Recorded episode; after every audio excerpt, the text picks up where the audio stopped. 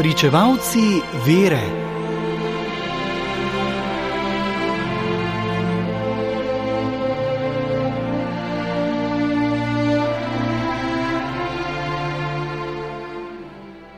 Ob današnjem 25. januarju je v cerkvenem koledarju zapisan spomin na spreobrnitev apostola Pavla. Francoski pisatelj François Meriac svojo knjigo Jezusovo življenje končuje takole: Ko se je Jezus ob svojem nebohodu s težkim srcem odtrgal od družbe svojih učencev, se dvignil ter se izgubil v svetlobi, ta odhod vendarle ni bil dokončen. Že se je skril v zasedo na ovinku poti, ki pelje iz Jeruzalema v Damask in zalezuje Savla, svojega ljubljenega zasledovalca. Odslej bo ta Bog naprežil v usodi slehrnega človeka.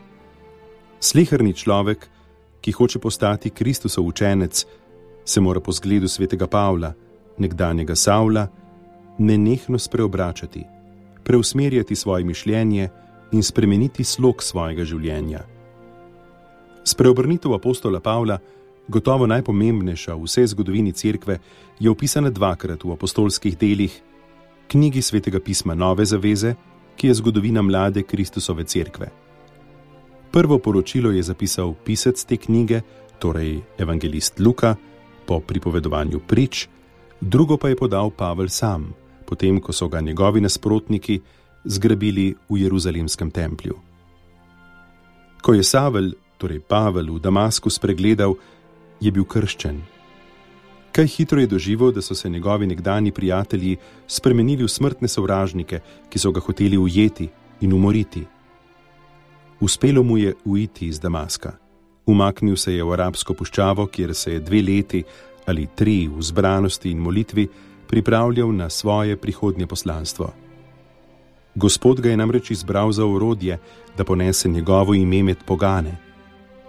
Na njem so se uresničile besede, ki jih je Kristus povedal duhovniku Ananiju, Pavlovemu krstitelju: Jaz mu bom pokazal, koliko mora trpeti za moje ime.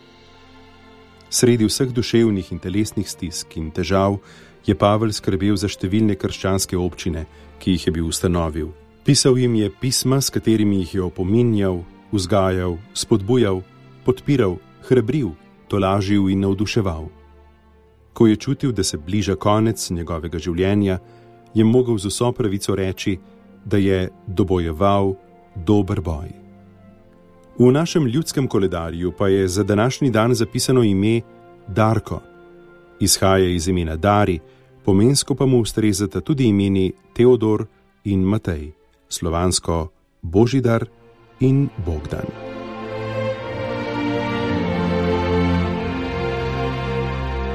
Brali smo iz knjige Svetnik za vsak dan, ki jo je napisal Silvestr Čuk.